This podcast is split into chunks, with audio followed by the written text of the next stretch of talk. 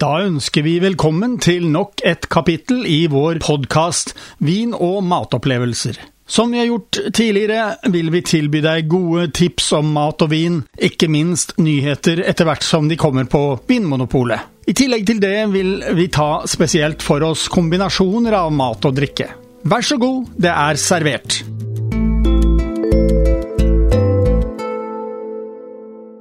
I dagens episode av Vin og matopplevelser har vi nok en gang konsentrert oss om viner fra Øst-Europa.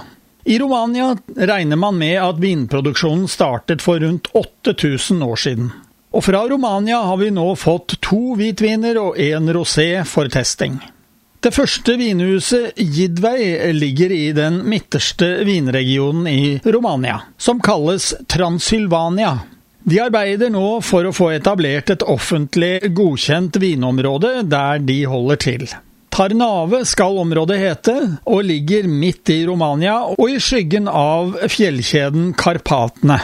Jidvei har fire vingårder som er utstyrt med det mest avanserte utstyret, og vingårdene bruker årlig over 25 millioner kilo druer.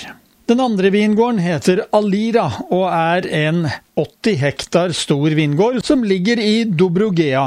På åsene ved bredden av elven Donau og ved kystområdet ned mot Svartehavet.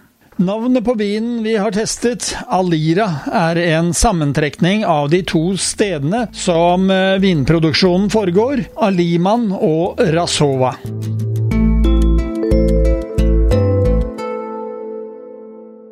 Den første vinen vi testet er hvitvinen Navigo Compass Pinot Grigio fra 2019. Det er vinhuset Gidway som har laget den. Den er en endruevin på druen Pinot Grigio. Duften er behagelig, frisk og fruktig. Du finner godt med sitrus her. Smaken er ren og fruktig.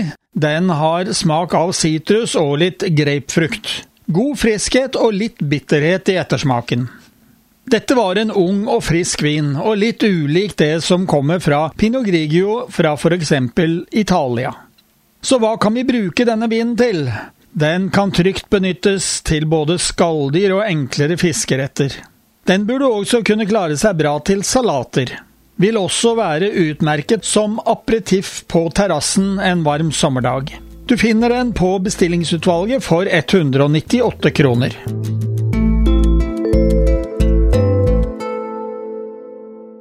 Den neste vinen i denne testen er også en hvitvin.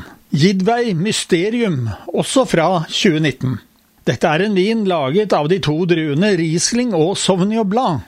Her finner du en fruktig duft av sitrus og det jeg vil kalle typeriktig solbærblad, av Sauvignon Blanc-druen. I tillegg finner du også litt aprikos. Smaken er også fruktig, med preg av sitrus og solbærdrops. Jeg vil legge til at dette er solbærdrops jeg husker fra barndommen som en god smak. Trolig får jeg denne opplevelsen av at vinen er ganske fyldig på smaken.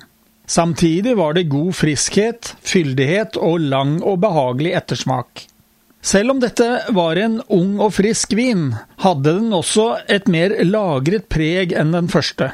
Personlig er jeg mest glad i unge og fruktige viner, men likevel, denne var absolutt innenfor. Jeg ville ha benyttet denne til en god fiskemiddag med fiskesaus og varmebehandlede grønnsaker, eller kanskje til grillet fisk. Du finner den på bestillingsutvalget til 206 kroner.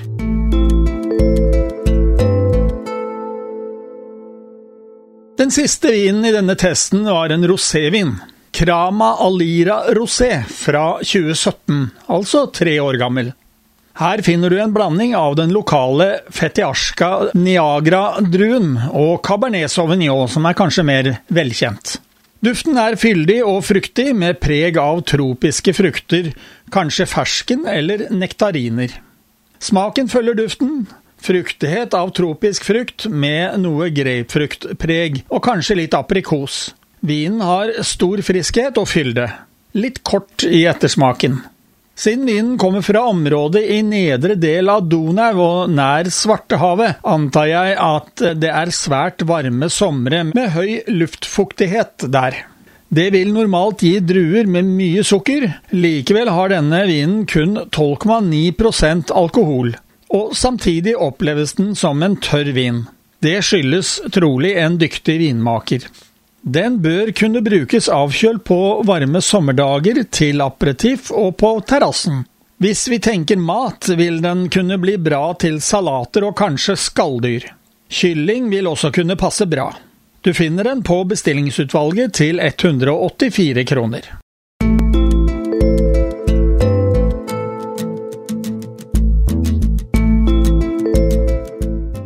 Har du fått dagens podkast fra Radio Riks Oslo om mat og vin. Hvis du ønsker å abonnere på den, slik at du får den automatisk når nye blir lagt ut, kan du gjøre det.